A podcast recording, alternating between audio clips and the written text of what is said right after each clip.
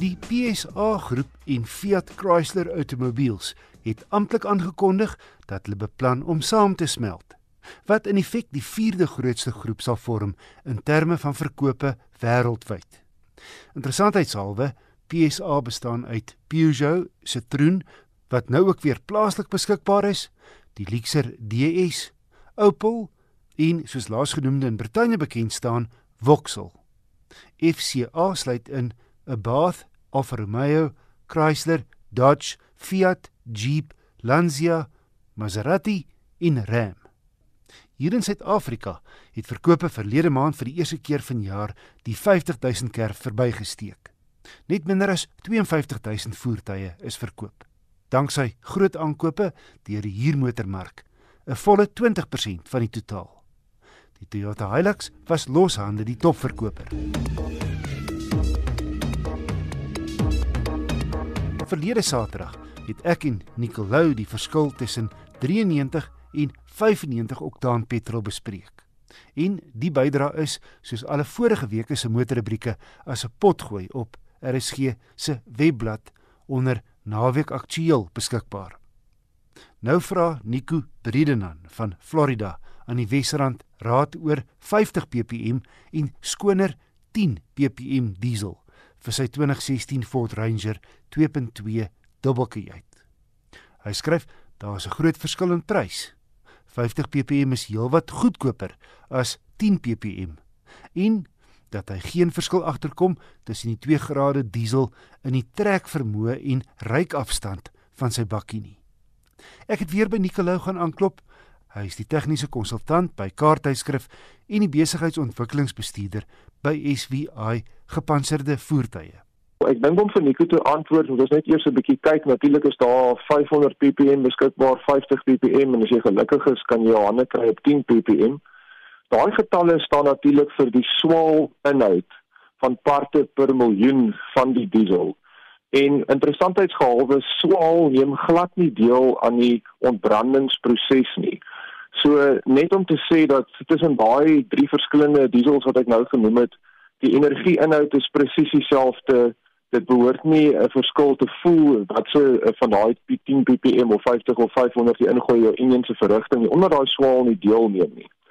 En nog om 'n stapie stapie terug te vat, die Suid-Afrikaanse standaarde wat hulle noem die SANS 342 is die minimum standaard vir diesel en dis natuurlik wanneer die diesel uit die raffinaderye uitkom en watse standaarde hy moet voldoen. En swaal is een van hulle, maar daar's natuurlik heelwat ander standaarde wat diesel moet voldoen. En as ons na jou groot oliemaatskappye, hulle het natuurlik almal hulle bymiddels wat hulle dan bygooi. En as ons kyk na die bymiddels waarvan ons praat, dan sit byvoorbeeld bymiddels wat fokus op smering, op verkoelingseienskappe, selfs hoeveel skuim die diesel maak as jy hom ingooi in jou tank en dis maar net om 'n paar te noem. So miskien net 'n waarskuwing hierso vir ons luisteraars daar buite, as jy diesel gaan koop, hier's baie van hierdie handelaars langs die pad wat ehm um, nie van die groot oliemaatskappye afkomstig is nie wat sommer so met die verf geskryf is kon gooi diesel hier vir goedkoop in. Maak seker dat jy weet waar daai diesel vandaan kom want minimum gaan hy net aan daai SANS 342 standaard voldoen. En in die ergste geval kan dit selfs 'n onwettige storie wees waar 'n bietjie parafin bygegooi word om hom nog goedkoper te maak en dis natuurlik baie negatief vir die smering.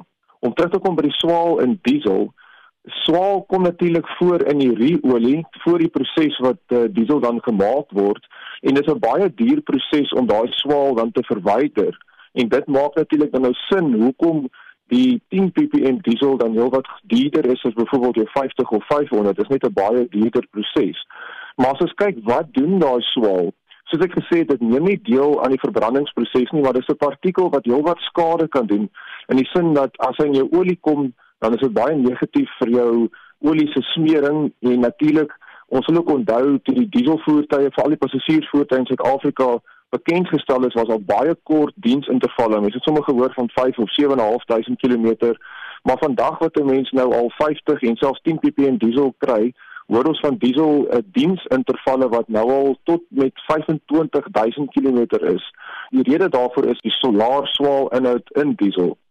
En dan moet ek ook net sê onder daai partikels dan natuurlik nou verbrand en uitgaan by die verbrandingsruimte, want jou dieselvoertuie wat dan die dieselparticulate filters het in die uitlaatstelsel wat dan daai partikels opvang, dan maak dit ook nou meer sin dat as jy hoor jou jou swaal inhoud in jou diesel, hoe vinniger gaan daai filter vol raak en hoe meer moet hy dan deur daai verbrandingsproses gaan om daai DPF skoon te brand.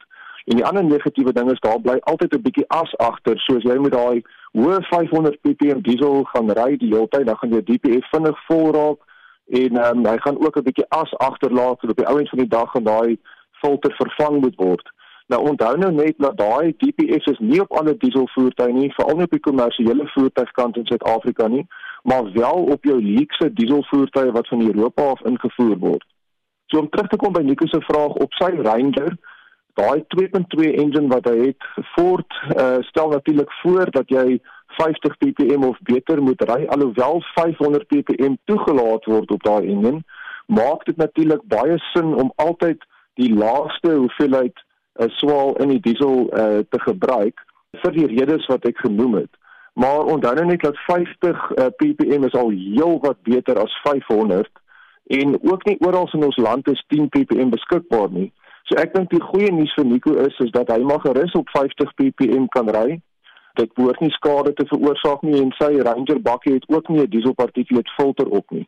So as hy nou wel 'n uh, luxe voertuig uit Europa uitgery het wat diesel is, sou ek gesê het as jy 10 ppm kan kry, is dit miskien die moeite werd om dit te gery. Maar in sy geval dink ek sal 50 ppm heeltemal in orde wees. So antwoord Nicolou, die tegniese konsultant by Car en die besigheidsontwikkelingsbestuurder by SWI gepantserde voertuie. My e-posadres indien jy 'n motornavraag het, is wissel by rsg.co.za.